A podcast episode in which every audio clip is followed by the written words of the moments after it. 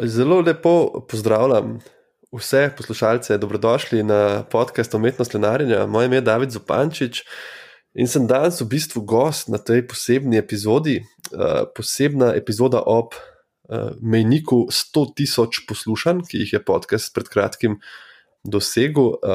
Ko sem začel to snemati, seveda nisem pričakoval tako velike številke, sploh ne v tako kratkem času. In potem je pa vmes nekako ponudil še en, še en priložnost, je ponudila, no, da, da naredimo še eno malo drugačno epizodo, zato ker me je Klemen, uh, ki je bil med drugim Klemen Tomas, moj gost v deseti epizodi, ko smo govorili o uh, coachingu, o seksu, o osebnostni rasti, moj dolgoletni prijatelj tudi. Me je že takrat po tisti epizodi, ki se mu je zdela zelo uh, dragocena in je tudi, by the way, ena najbolj poslušanih do zdaj, uh, mi je rekel, da bi on zelo rad enkrat še tako malo obrnil ta pogovor no, in bi on uh, mene par stvari vprašal, v bistvu o, o mojem procesu, o moji ustvarjalnosti, o mojem načinu dela. Uh, se to mogoče bolj sam pove, ampak me je vseeno pripričal, da uvod naredim jaz, tako da klemen, uh, mogoče lahko poveš, uh, kaj te je spodbudilo, da si nekako, um, bom rekel, organiziral današnji pogovor. Okay, najprej bi te vprašal, kakšen občutek imaš, ko si uh, gost na svojem lastnem podkastu? Ja, ja, zelo je zanimivo. Nekaj podobnega sicer smo naredili z rokom že na epizodi o moji knjigi. Um, mm. Je pa tako, seveda, da sem že tudi kakšen drug intervju, uh, se mi pa skoraj zdi, mm. da se nobenega nisem tako veselil kot tega, če po nevoljih intervjujev, bi se bolj pogovarjal. Mal zato, ker je vse en za mojo platformo, ki mi zelo veliko pomeni. Uh, ali pa tudi zato, ker pač tebe zelo poznam in vem, da se boš poglobil, v bistvu, da se boš poglobil, no, se mogoče lahko le končam, um, v neke, neke bolj take pomembne uh, vprašanja. In iz, vem, da, zelo, da si zelo motiviran, da najdeš odgovore na to, kar te zanima, ne, kar pa v bistvu, kar jaz razumem, te zanima tudi nek moj proces dela, ustvarjanja in življenja. Ja, ful. Ja, v glavnem, meni je bilo, no, da še jaz zdaj povem, hvala za odgovor, David.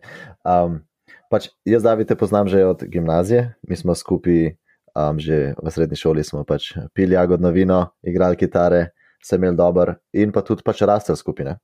Tako da sem videl tvoj razvoj čez vsa leta, od gimnazije do ko si šel pač na faks in tudi do zdaj, ko si ti postal, zdaj ti povej, če sem jaz vse te številke prav povedal ti imaš najbolj prodajeno uh, slovensko knjigo vseh časov.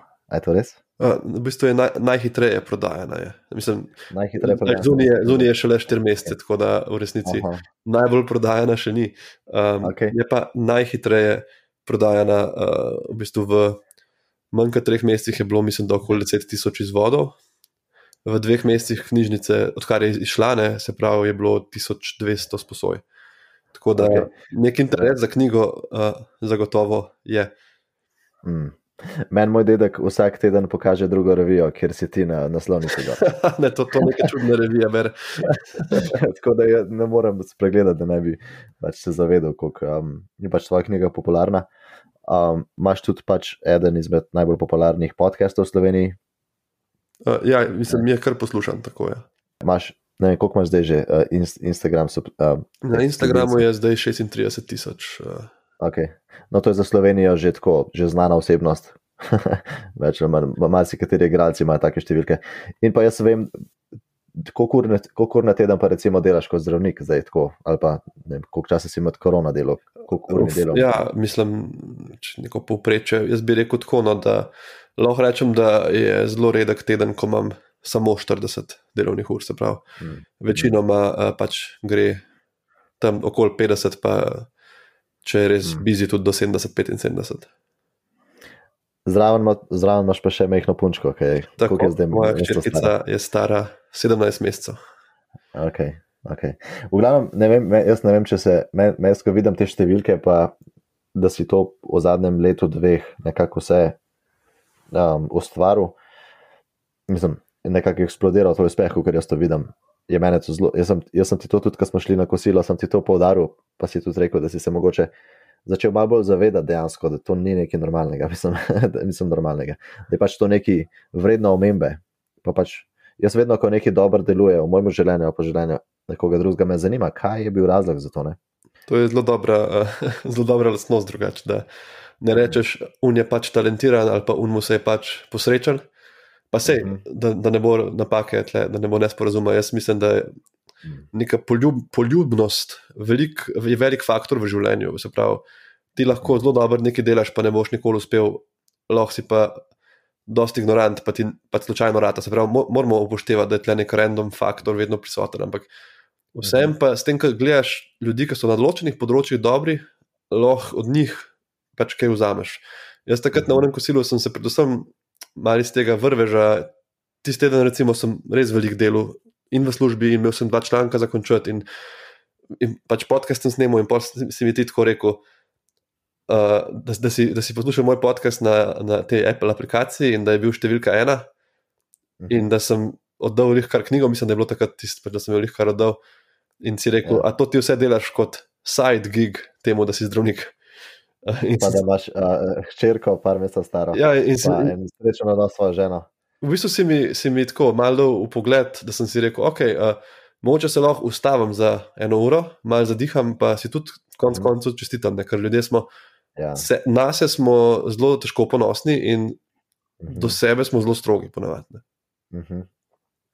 In jaz vidim tudi to, da si, česti, da si vzameš trenutek, da se ustaviš, si čestitaš, da se nagradiš, da, da se zaveš svojega uspeha, ti v bistvu prinašaš še več, mislim, po eni strani zadovoljstva, pa tudi več uspeha v prihodnosti. Ne? Ker drugače vedno samo loviš naslednje uspehe, pa se nikoli ne ustaviš, pa, se, pa, pa dojameš, wow, v bistvu mi gre ful dobro. Ja, mislim, prav je, da si fair, ker če ti bo šlo slabo, se ponavadi zelo hitro skritiziraš. Uh, tako da moraš paziti, da greš tudi v drugo smer. ja. Tako da ja, sem začel pač opaziti vse te uspehe, vse si že, že prej marsikaj dosegal, ampak tole mi je bilo res tako, wow, res nekaj pravilno delaš, očitno. In eden izmed stvari, ki mi je pri tebi všeč, tudi, ki si prej omenil, da pač obstaja nek random faktor, ne? da vedno tudi stvari pogledaš na znanstveni, uh, znanstvenega vidika. To pomeni, da, da ni samo neka um, self-help uh, inspiracija, ampak tudi pogledaš znanost od zadine. Da, Ja. To, kar govoriš, ima res, na nek, res ima neko podlago. Ne?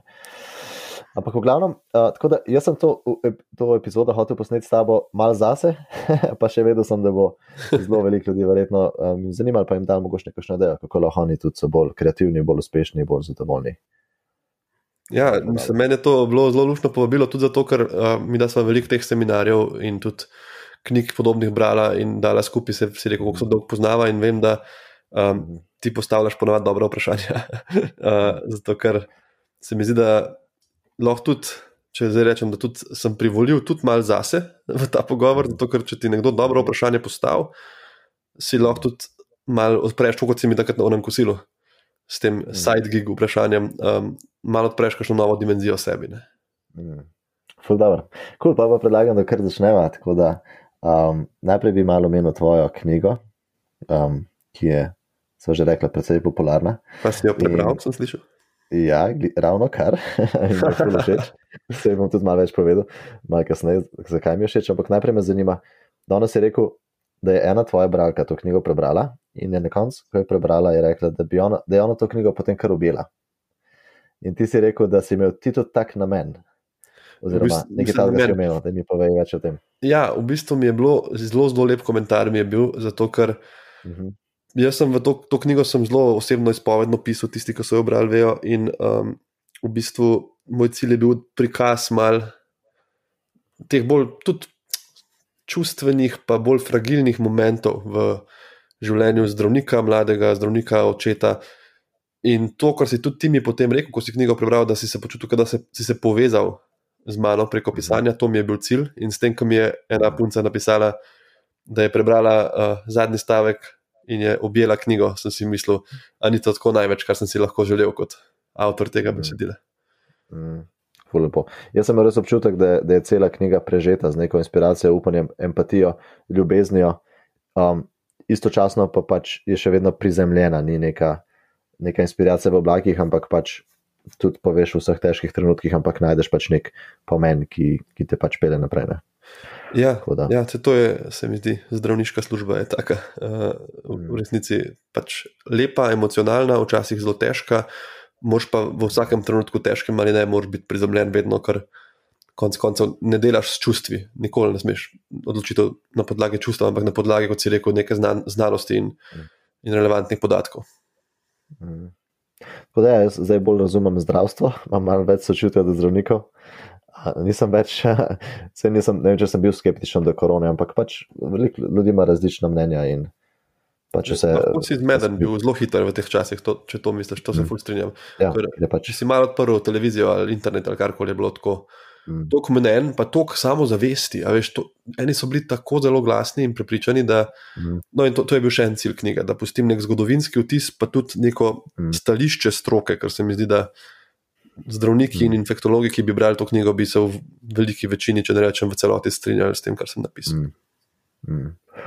Ja, jaz sem imel dejansko občutek, ko sem to knjigo zdaj prebral, da sem nekako bolj zaključen z, z, z korono, oziroma s tem, kar se je zgodilo. Zdaj, mogoče, čeprav je bilo zelo težko, vsaj, predvsem za zdravnike, pa marsikoga, ki je bil v izolaciji, kako koli že. Ampak zdaj mogoče vidim to, to kot neko zmago. Tako, vse vem, da je bilo zelo težko, ampak ne vem, no, zdaj preko tega tvojega pogleda sem videl, ok, To, Pač to je kar lepo. Ja. Uh, dejansko, da, Ja. da se ti zdi, da imaš nek closure obdobja mhm, in da vidiš, da smo vsem prišli ven. Uh, smo prišli tudi z pozitivnimi posledicami, seveda pa tudi žal z veliko trpljenja in smrti, ampak ja, smo skupaj uspeli nekako. Ne. mhm, mhm. Ok, kul, cool, jaz bi zdaj preusmeril pozornost na, na tvojo produktivnost, pa kreativnost, ker ne vem, če jaz to lahko menim, ampak ti zdaj pišeš že, mislim, da več kot eno knjigo v tem trenutku. Je to je to prav. Ja, veš, se to je tako. Um, dokler ne izdaš nobene knjige, uh, boš, imel tako, boš imel tako 20 dokumentov na, na računalniku odprtih, kjer pač nekaj pišeš. Pol pa, ko enkrat izdaš knjigo, zmeri, ko dobiš neko idejo, pa začneš pisati.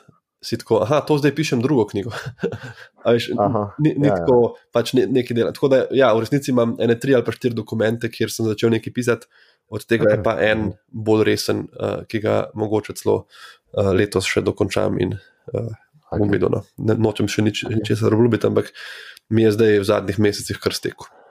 A, ful dobro. Bova še malo mal več o tem na koncu.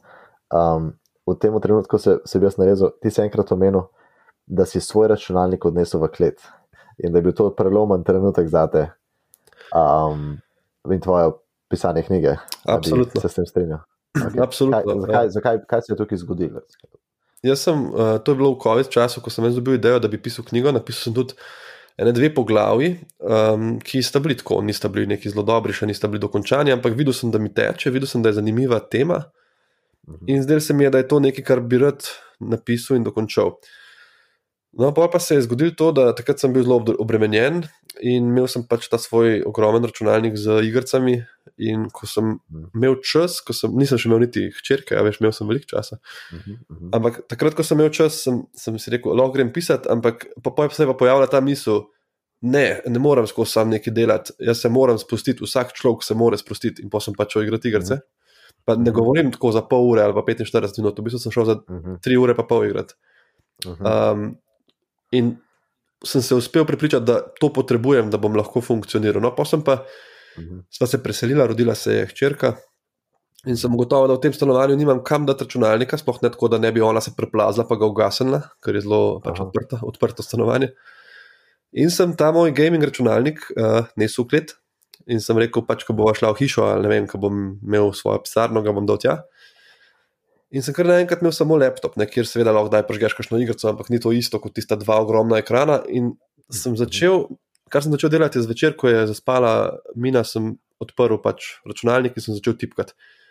Tako da jaz ne vem, jaz mislim, da če, bi, če ne bi malo prestrukturiral tega časa, ker me veliko ljudi vpraša, kje najdeš čas za stvari, v bistvu si ga moraš prestrukturirati, moraš se odločiti, kaj ti v tem trenutku več pomeni. Ne? In konec koncev, s tem, ko sem nesel ta računalnik v klet, pa meni so te igrice drugače zelo razbremenile in sem bil ful srečen in še zdaj jih daj zelo pogrešam. Ampak če zdaj pogledam, kaj mi je dala ta knjiga, ne samo seveda nekaj finančnega, tudi glede na to, da je ne, 16 tisoč izvodov že prodanih, pa tudi to nekako največje zadovoljstvo, da ljudje berejo, da jim je všeč naziv knjiga leta, pač neprecenljivo, res. In sem vprašanje, če bi jo napisal, no, če ne bi naredil te poteze.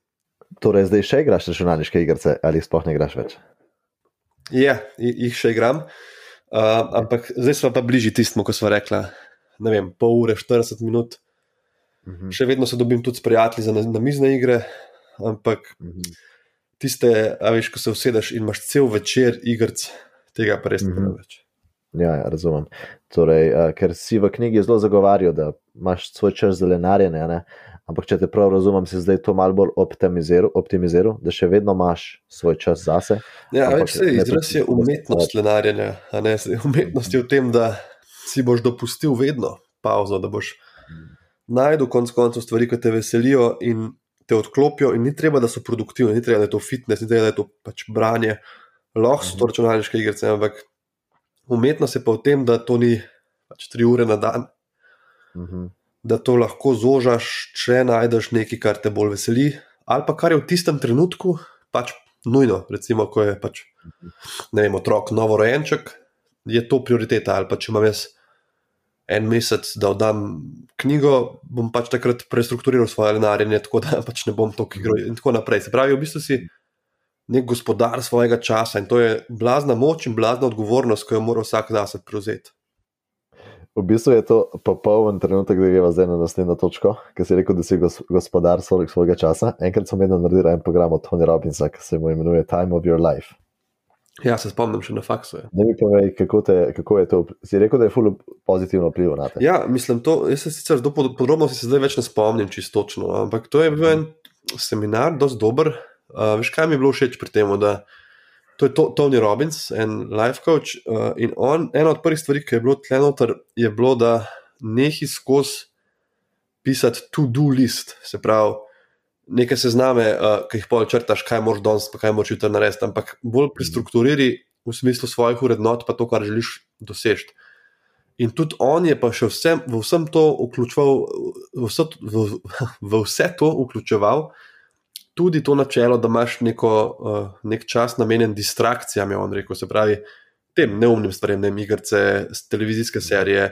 Pač nekaj, da te zamoti, in problem je samo, če je ta čas zelo velik. Se pravi, jaz, če igram igrice 40 minut, eno uro, pol ure, mogoče bom zelo bolj produktiven, mogoče bom raje pisal pol zvečer, ampak če pa igram pač 4 ure v dnevu, ki ima 24 ur, pa v katerem moraš spati, pa moraš jesti, pa imaš pač stvari, ki jih moraš narediti, bo pa to, bo pa to moteče. In te nekakšna dva glavna segmenta, ki sem odnesel, ki si jih še zdaj zapomnim, in to je, se mi zdi tudi velik doprinos teh dobrih um, knjig in tečajev osebnostne rasti.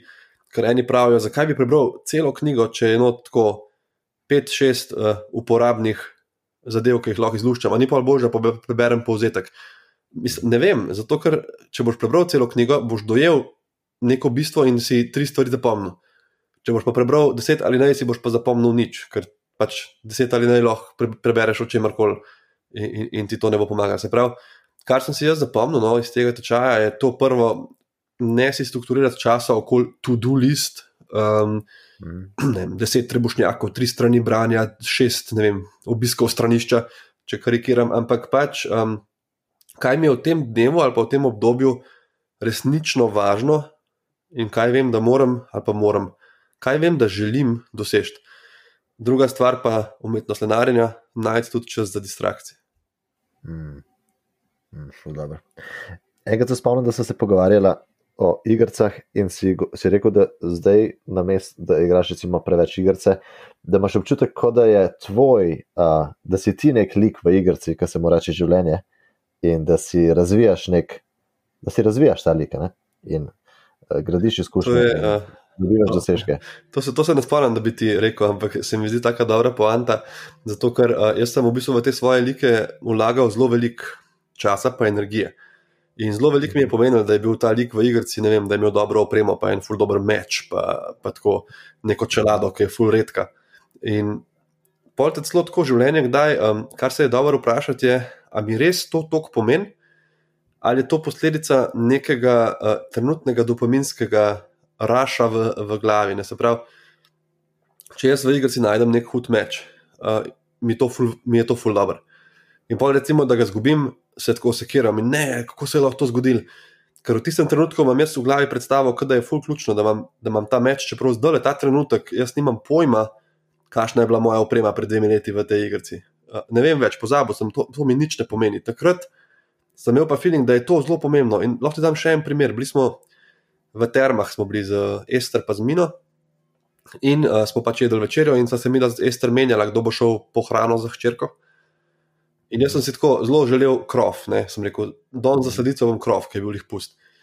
In pa je najprej Ester uh, pač šla jesti, jaz sem tam malo opazil in pa so se zamenjala. In ko sem prišel uh, do tega bifeja, sem videl, da je krofov zmanjkalo. In jaz sem bil tako, ne, kako je lahko to se zgodilo, jaz sem to kot ta krov. In pa sem začel kar z enim uh, rafalom misli v glavi, tako, joj, to je samo zato, ker sem mogel jaz paziti tam malo, zakaj vedno moram jaz čakati, zakaj nisem mogel niti tega enega krofa. In pa v neki točki sem se ustavil in sem bil tako, a mi res ta krov toliko pomeni. Pač, a, a moram jaz danes pojesti krov, da bom srečen tle.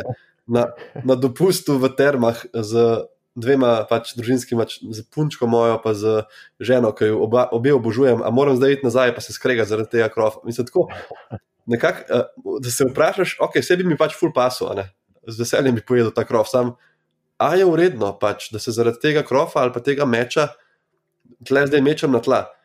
Um, no, ampak to sem zdaj malo zašel. Vprašanje pol, če pa navežem, je pa to, da sem začel delati na mest, na tem, da je moj lik v igri toliko boljši sem pač malo več treniral, uh, začel sem pisati.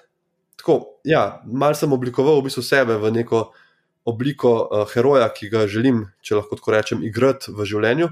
In tudi to, da se recimo ne, ne razburem in padem dol zaradi krofa na večerji, je tako en, en tak lastnost, ki bi jaz rad, da nek heroj v igrci ima. Ne.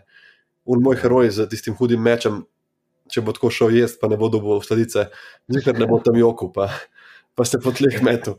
Um, in, in na ta način, ko oblikuješ sebe v, v osebo, na katero si bolj ponosen, ti za vsako tako zmago, ko na mestu da znoriš, rečeš, ok, neumno je, da znorim. Uh, si v bistvu tudi daš motivacijo, da se razvijaš še naprej. Hmm, ja, točno to.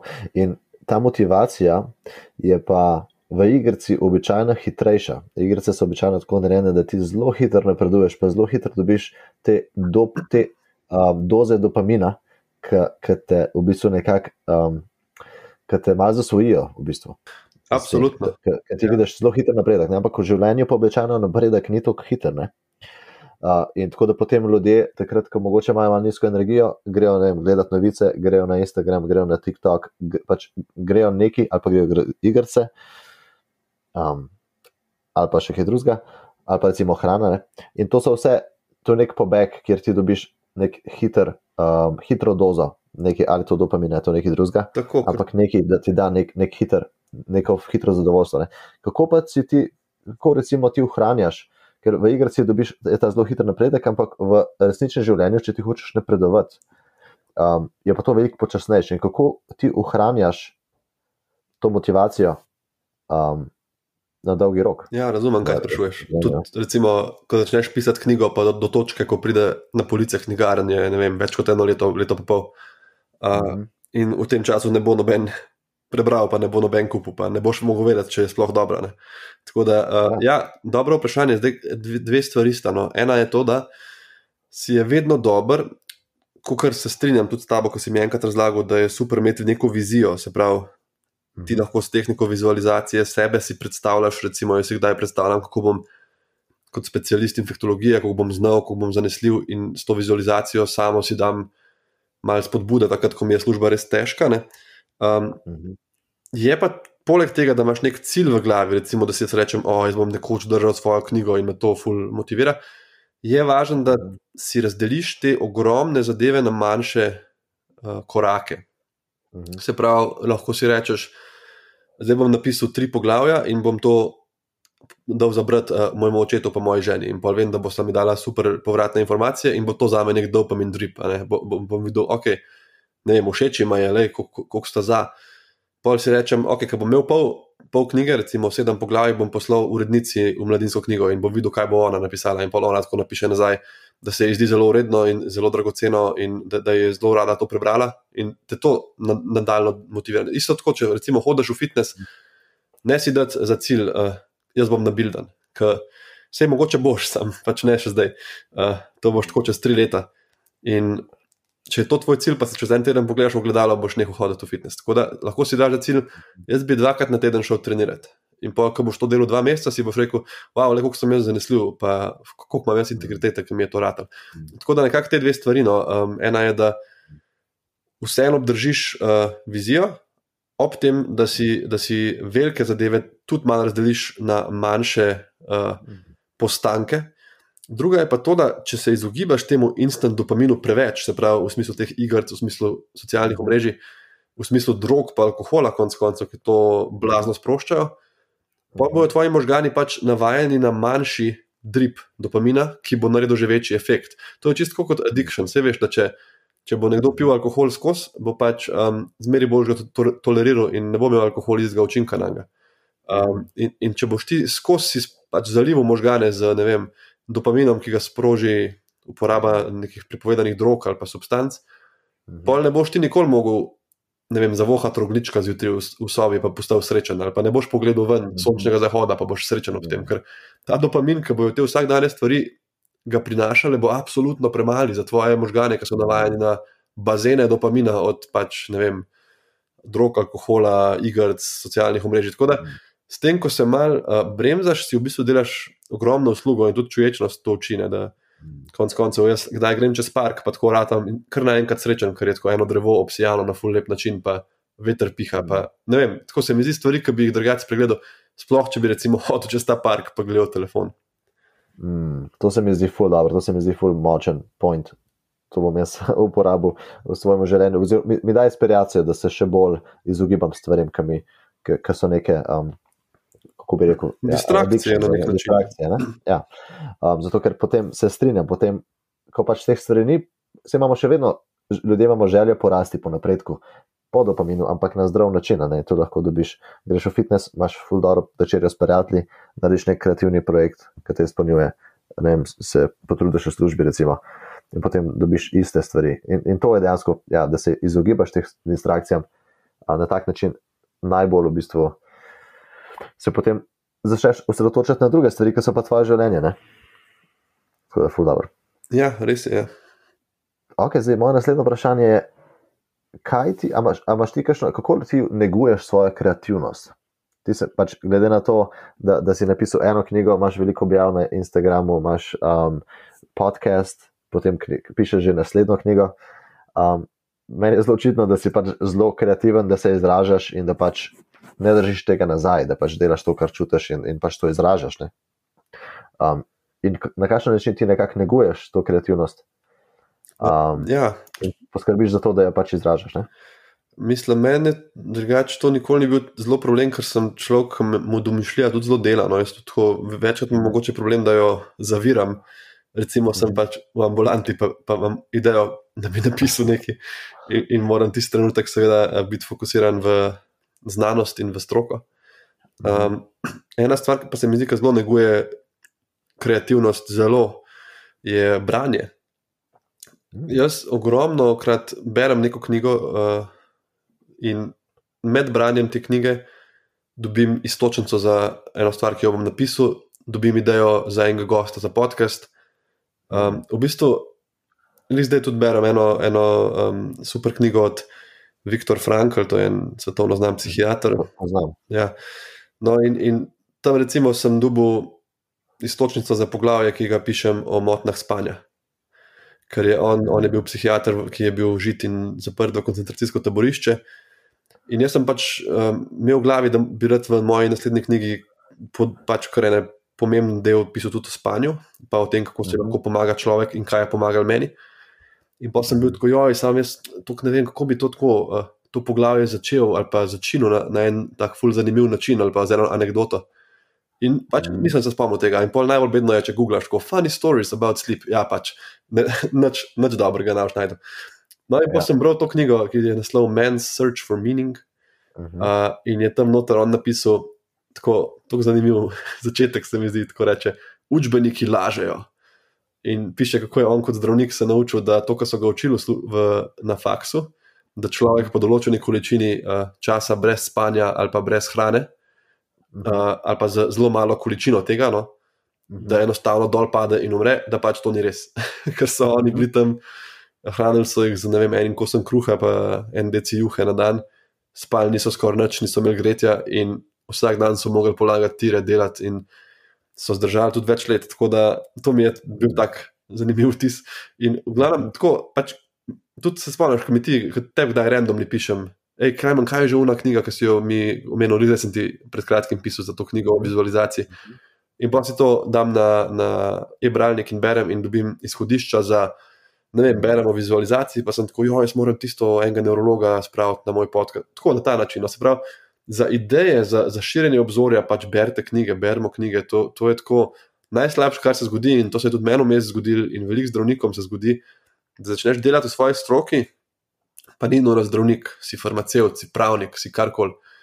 In se kar naenkrat moš ogromno literature iz tega področja prebrati in preštudirati, seveda. In pol si tako nekako zgubiš željo, da bi bral še druge stvari zraven, ker se ti ne da, ker bi raje pač gledal televizijo, takrat, ko imaš mal frej. In takrat, ko se ti odločiš, vse to je pač normalno, to se vsem zgodi, da se morajo veliko učiti, pa ko delajo, nimaš časa več za knjige, tako pač je. Pa, to je mhm. tako največji poraz. Res, prisil se brcem se urit, reči si ne. To je čist drugače. To je kot da bi rekel, uh, sej, jaz jem tako veliko brokolija, zakaj bi jedel še kjerkoli drugo zelenjavo.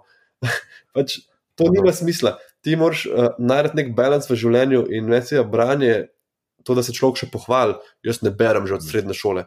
Kako? No? Dej, super, mislim, super, da si opazil to, ampak da se to spremeni. Pa lahko prebereš eno knjigo na dva meseca zaradi mene, ali pa na tri mesece lahko prebereš tri knjige na leto. Sam to, da imaš na nočni policiji pač eno knjigo, ni treba, da je to, tako kot sem zdaj dal primer, neko osebnostno rast knjiga, lahko je krimič, lahko je drama. Ampak dajmo brati, to širi in spodbuja kreativnost najbolj, se mi zdi. To mi je fulo všeč, da to poveš. Jaz sem nekje slišal od nekoga, um, oziroma dejansko obstaja knjiga, ki se imenuje Still Like an Artist, torej kradi kot umetnik, ki govori o kreativnosti. In prav, da se sicer so nova, nova marsikatera nova dognanja v znanosti in se naše znanje tudi razvija. Je pa tudi povedala, da, je pa tudi povedala knjiga, da veliko stvari uh, so že bile povedane in veliko novih del je dejansko povezovanje stvari na drugačen način. In govori o tem, da kreativnost je večinoma povezovanje informacij na nov način, nov pogled, na, na nov pogled informacij, ki jih že imamo, pač sestavljena z neke druge perspektive. Ne? Ja, to se zelo in... strinjam. Se lahko pogledaš tudi, recimo, kaj je gledališče. Um, Dramska besedila, določene klasike, uh, Shakespeare, recimo Molière, to se igra že leta in leta in stotine let. In mhm. Ni tako, da vidiš ti v drami, ole, igrajo Hamleta, vse to sem pa enkrat že videl.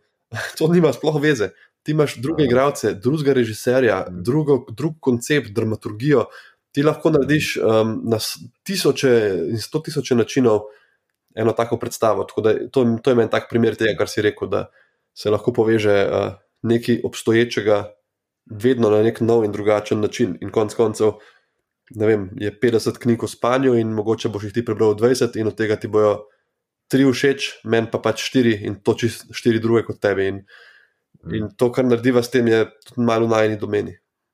Mm. Mm. In ta, ta knjiga, recimo, tudi govori o tem, da ko ti pogledaš, ne vem, Picasso, ta, pač pogledaš neko sliko in si rečeš, wow, to je pač čist neki novega. Ne? Ampak mogoče se ne zavedajo ljudje, da je pač Picasso imel tudi svoje mentore, pa ljudje, ki, po katerih se je zgledoval, pa so vplivali na njega, pa je pač, on je videl, kaj je okrog sebe, potem pa sam neki združil, pa neki novega sestavu. Pač to se ni zgodilo v izolaciji, ne, te njegove umetnine. Tudi, tudi zaradi tega mi je ful všeč to, da, da, prav, da praviš, da pač bereš knjige in da preko tega dobiš nove ideje, ker logično, kako pač deluje. Mislim, ja, tudi predstavljaj si, kako je zanimivo, če ti bereš recimo eno mojo knjigo ali pa en moj blog zapis, pa jaz sam govorim, jaz mislim to, pa to, pa to. Ali pa niti ne moj, pač predstavljaj si knjigo, vse bereš veliko teh knjig, uh, ki govori o, kaj jaz vem, meditaciji. Uh, in zdaj ta človek piše, jaz mislim, da je to tako, to je tako, to ni tako, to je tako. Ali pa če bereš eno knjigo, ki jo najbolj vsi poznamo, ki daje primere, se navezuje in daje anekdote in predstavlja študije in citira filozofe. Mislim, to je, to je ne samo, da je uporabna knjiga, še literarna poslastica rata in to je tisto, kar hočeš doseči neko svojo širino. Ena stvar, by the way, mhm. Ki sem jo začel zdaj delati, približno en mesec nazaj, to je še mogoče nekaj, evo, s čimer negujem svojo kreativnost. Uh, na pobudo uh, prijatelja in igralca Nika Škrleca, ki je bil tudi gost na podkastu, uh, v mhm. fantastični epizodi na temo tudi spomina. Uh, smo odprli eno skupino, grupo ljudi, kjer se vsak teden nauči vsak eno pesem na pamet. Uh, sam si izbereš, katero, nima veze, ne vem, prevedena, angliška, slovenska. In to sem zdaj začel delati malo več kot en mesec nazaj, in mi je Mislim, jaz ti rečem, da se boljš počutim, prav, samo zaradi tega, že se boljš počutim. Zdaj vem sedem, sedem uh, pesmi na pamet, en, eno od Jenkota, Menarta, um, zdaj se učim preširno, v glavnem. In pa gledaj, tako ko hodim, uh, ali pa ko spavam hčerko, ali pa ko hodim iz službe, si jih recitiram v glavi. In meni je to tako čudovita, čudovit hobi.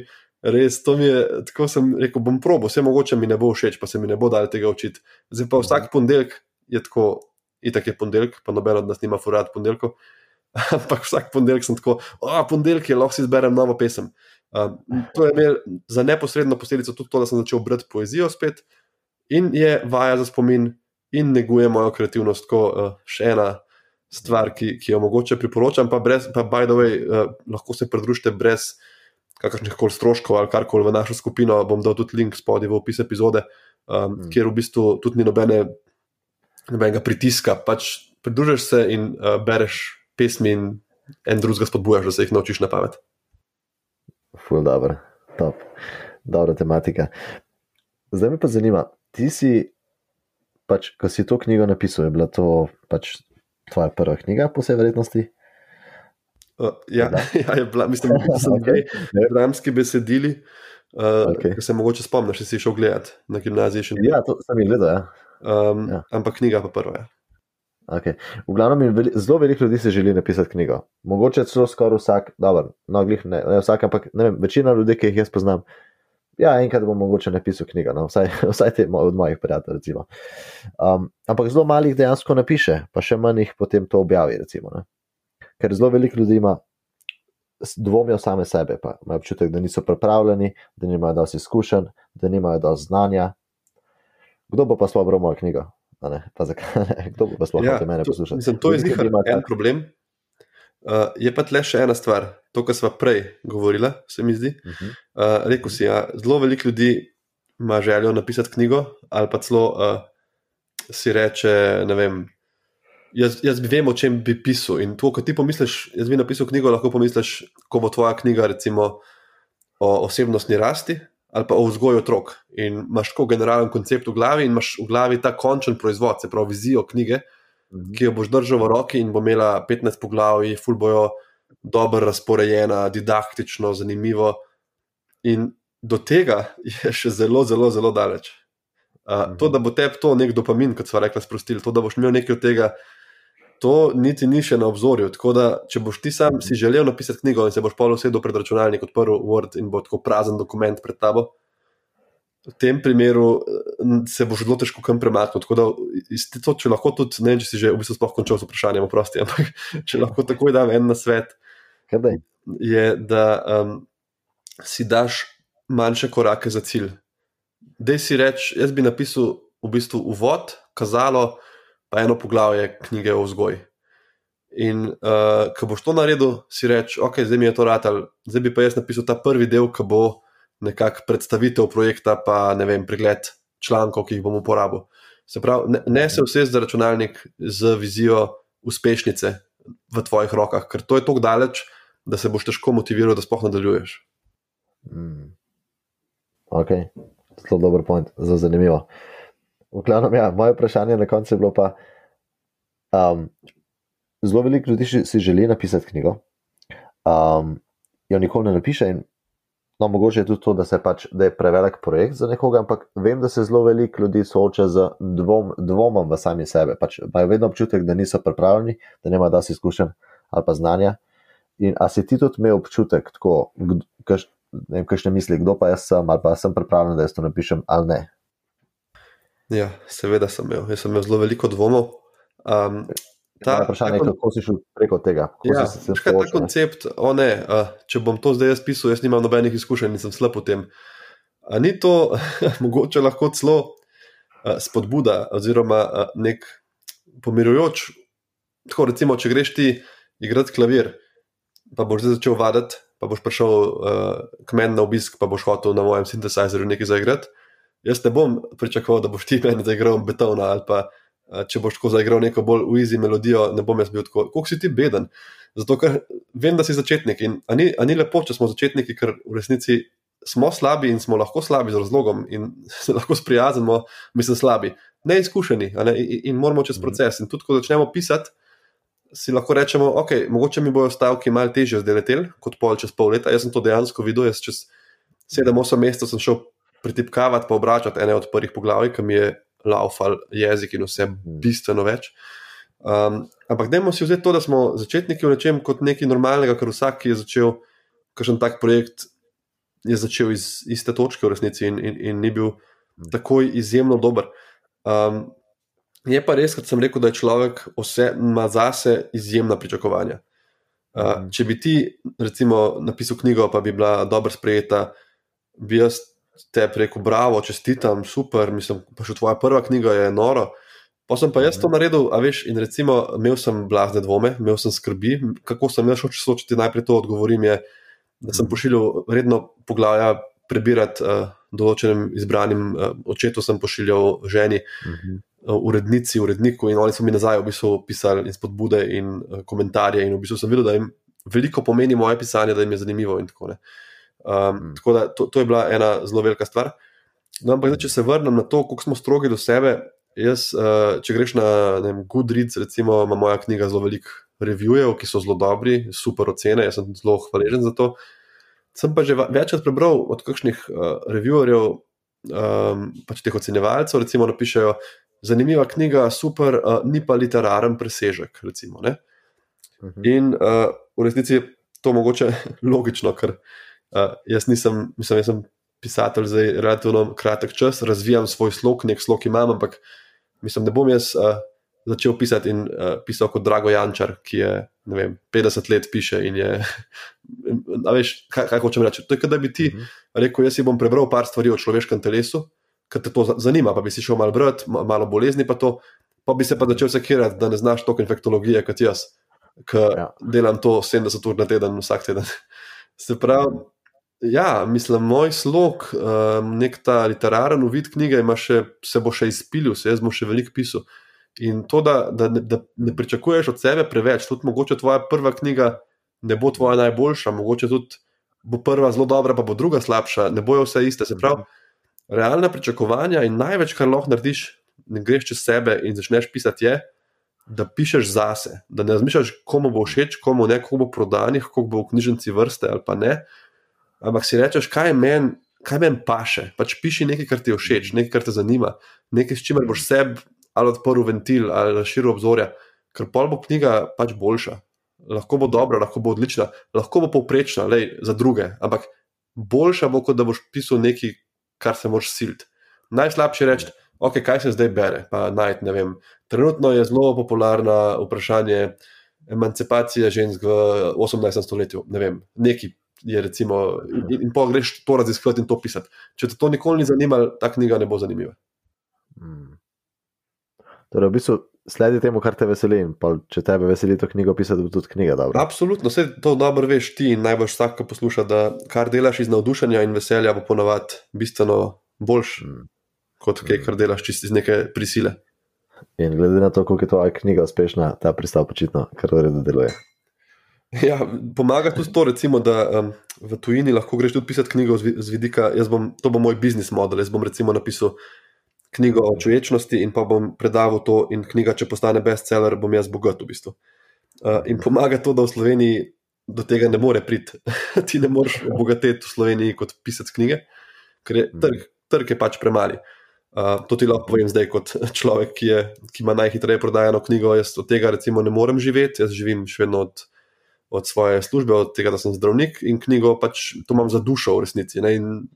Obožujem to, kar se dogaja, obožujem knjižne dogodke. Ampak mogoče je to pri nas celo boljš, ker ne boš šel pisati tako, jaz bom pa pisal in živel od tega zelo dobro. Ker če si realist, boš vedel, da to ni mogoče. Um, in, in zato je lažje mogoče pisati bolj iz sebe in iz nekega veselja. Um, zdaj, moje naslednje vprašanje je bilo, pa mislim, da si že odgovoril na njega.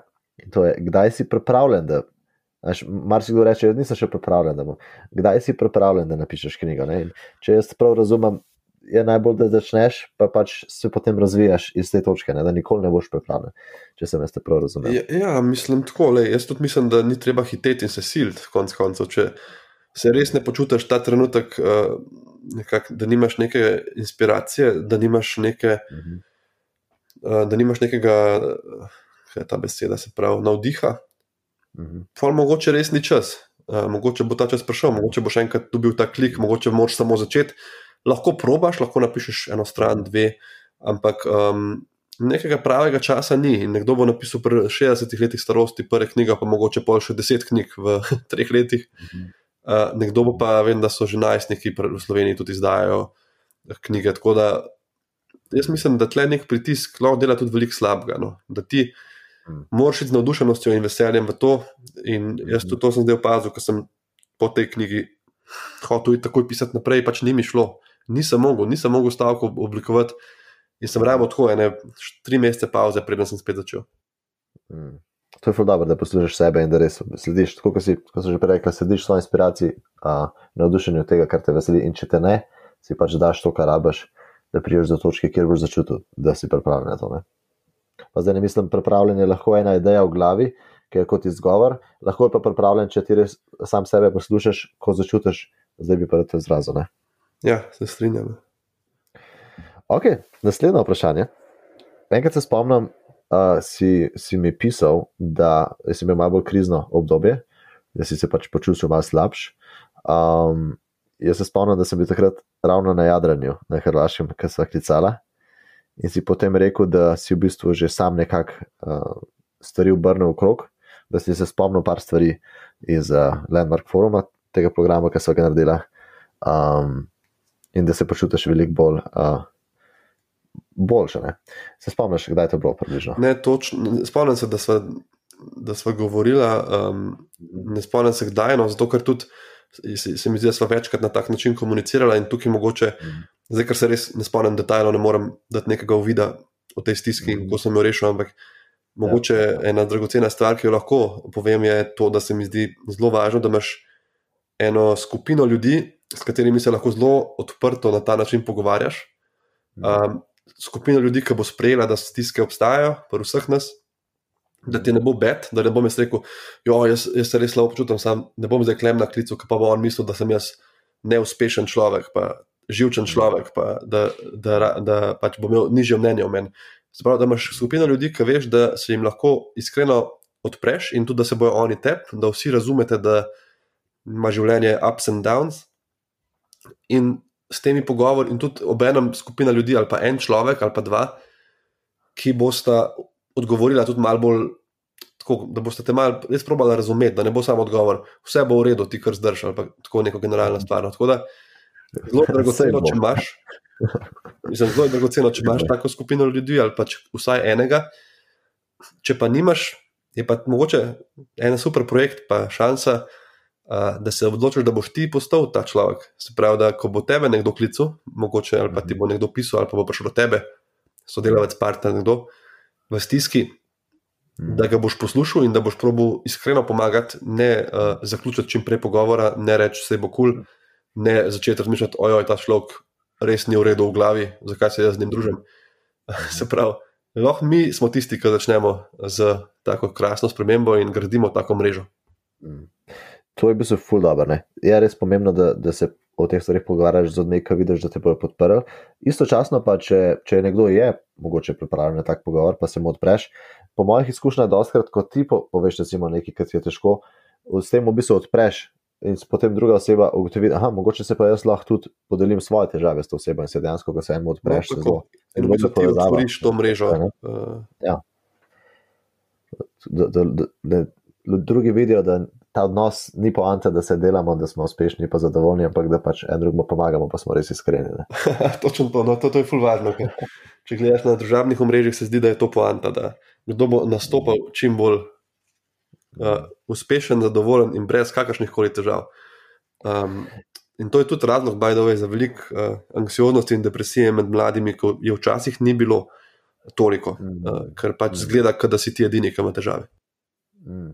In jaz mislim, da v, v vsemu temu, uh, kot si rekel na Instagramu, v vsemu temu, kako bi rekel temu, noizu, v vsemu temu šumu, ki ga pač ustvarjajo vsi ti ljudje, uh, ki se pač pretvarjajo, da so uspešni, je potem nekdo, ki je pač res iskren, pa ranljiv, pa pač pove, kako stvari čuti in se res iskreno deli svoje izkušnje, je zelo tako osvežujoč. Ne?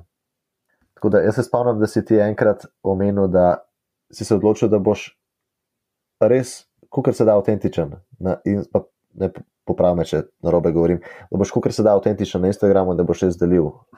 Ja. Še bolj osebno. Ja. In da je takrat Instagram zelo začel rasti.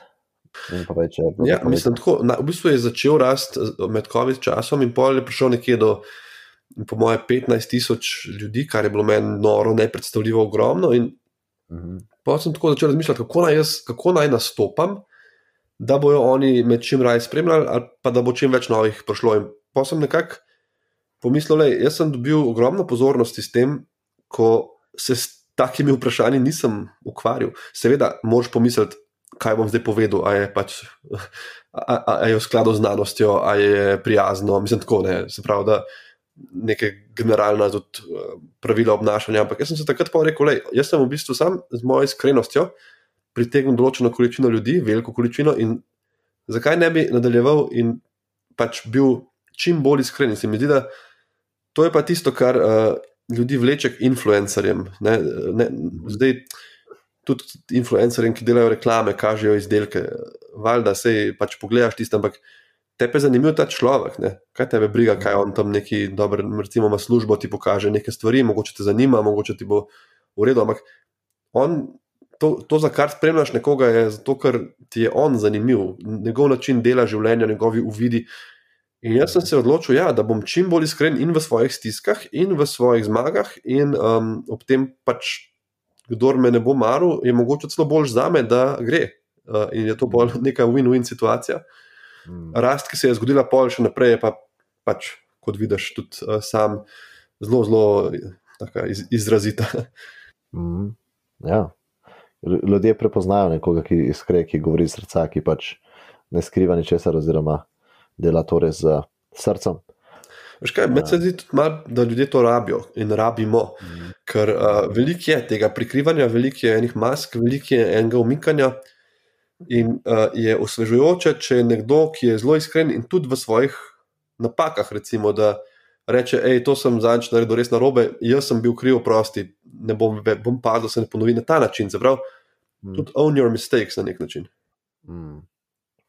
To je zelo, zelo osvežujoče in pa, o, pač da moč vsem, ki so povezani s tem, predvsem pa tepne. Ti veliko govoriš o meditaciji in, oziroma, in človečnosti. Ne? Kako bi pa rekel, da je, je to, ki je vplivalo na tvojo kreativnost? Ja, zagotovo je. Um, se mi zdi prvič to, ker sem postal zaradi tega dosti bolj miren človek, drugič pa zato, ker kar je čuječnost, eh, kar ti daje pogled na to, da je treba stvari v življenju sprejeti, ne da se upiraš. Se pravi, neko sprejetje, da so kdaj lepi časi, kdaj težji časi in da vse skupaj konec koncev mine. In to, da recimo, če imam jaz nek, nek blok, da težko pišem, da mi ne gre. Da ne bom začel iskati noro, frantično iskati nekih eh, razlogov, kaj sem naredil na robe, kaj lahko zdaj spremenim, kaj lahko izboljšam. Mhm. Lej, ta trenutek mi pač ne gre in če to sprejmeš, se sprostiš in greš naprej, in pol čez dan, dva, mogoče padeš nazaj v nek fokus. Tako da iz tega vidika sprejetja situacije, no, se mi zdi. To mi je všeč. Se tudi pravi, da so sproščeni možgani, so kreativni možgani. Recimo, ne? ko greš ti pod tuš, pa se sprostiš, se potem spomniš, kakšne stvari, ki se jo drugače ne bi. In tudi mogoče na tak način, da se ne, proba, ne probaš z glavo skozi pa če ti ne gre, se malo sprostiš, pa počakaš, pa spet pride inspiracija nazaj. Se mi zdi, da je to fula, se misliš kot zelo dober pristop. Ja, se strinjam. Ful, dobro. Um, Kakšno imaš pa izkušnjo, recimo, ko se izražaš? Jaz sem recimo od terapeutov, te, ki so moji mentori, ki sem jih uh, tudi zanč omenil, Kate in Gay Hendricks, uh, ki, ki imata to knjigo The Big Leap, je zelo veliko ljudi uh, si jo potem prebrali po najni prejšnji epizodi. Um, Oni da pravite, da je zelo pomemben za osebno izpolnjenost in pa tudi za zadovoljstvo v odnosu, uh, zato to, da se človek kreativno izraža, da ima občutek, da nekako izpolnjuje svoj potencial, svoj kreativni potencial. Ali imaš občutek, da to vpliva na tvojo neko izpolnjenost osebno?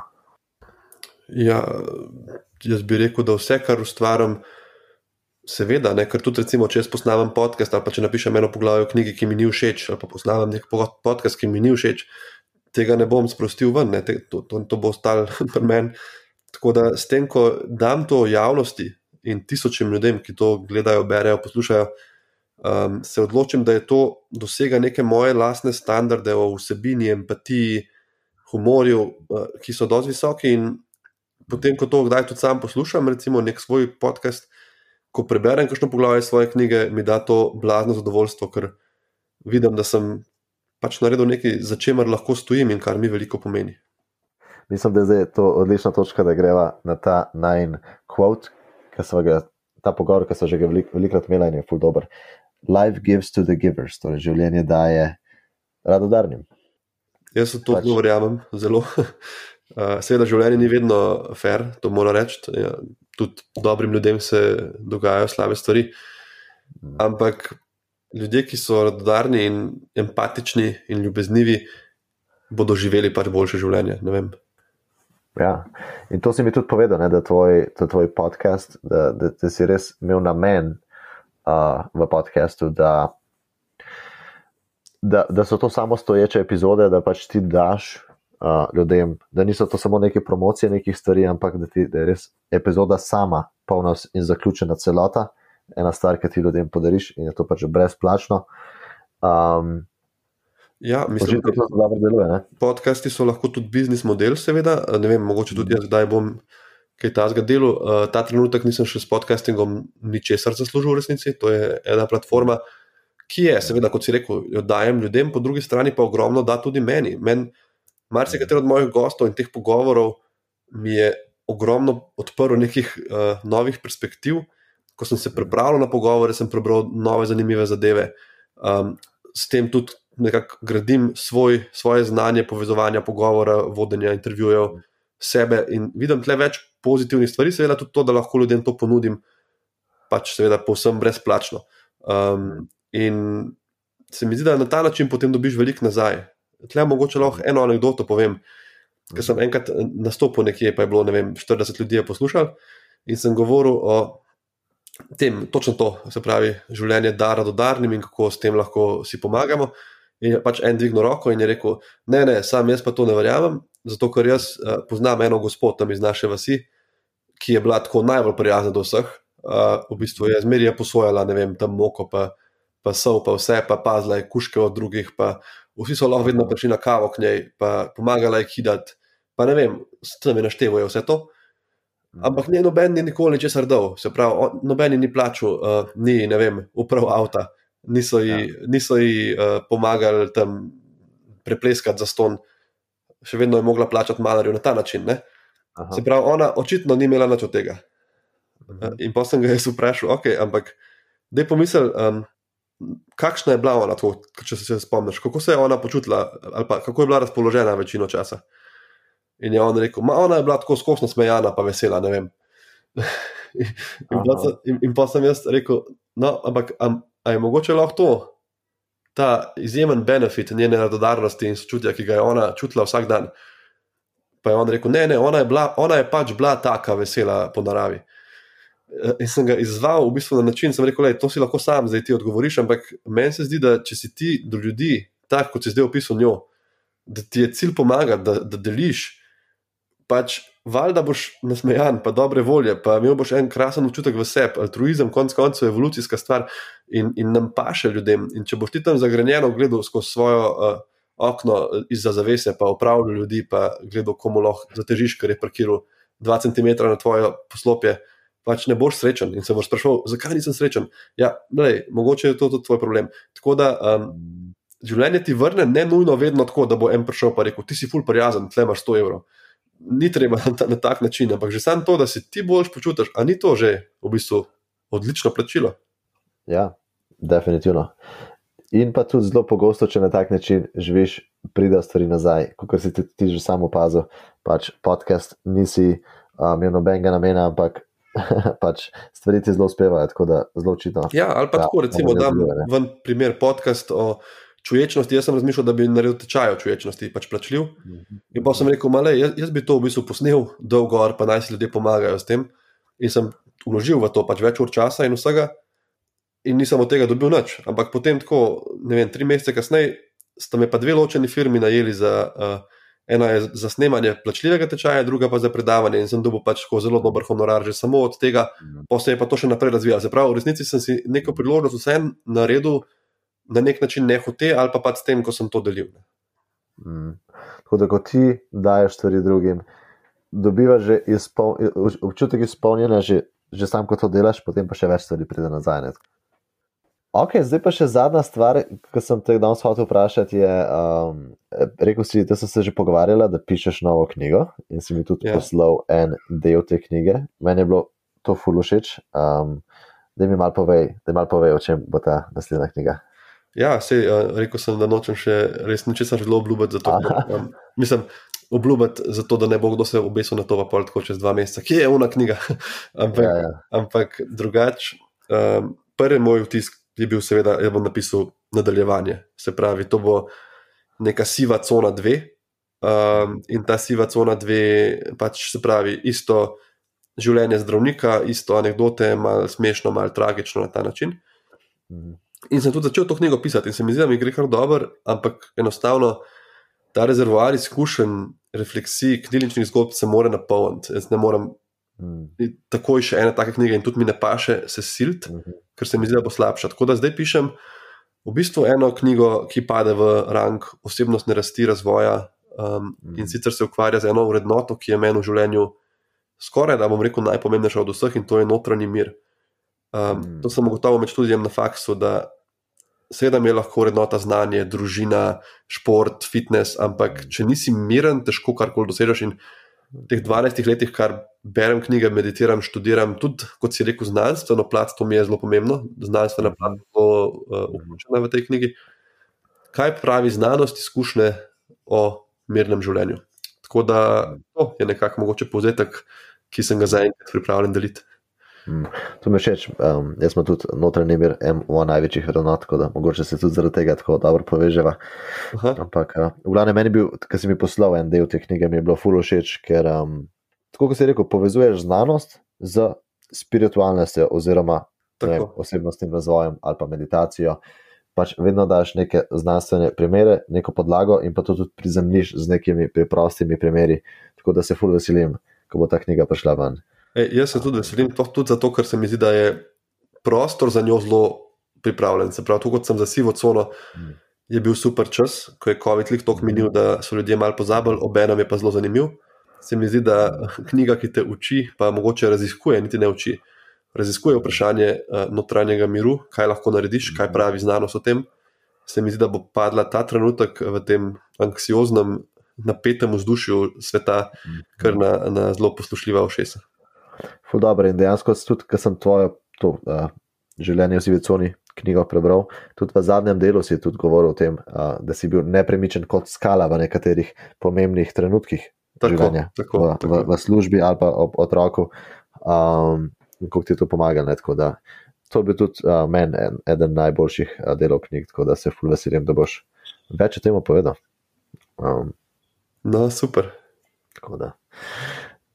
Odlično. Ja, to je bilo vse za danes od mojih vprašanj. Hvala ti, Klemen, drugače, za to vabilo in za ta pogovor.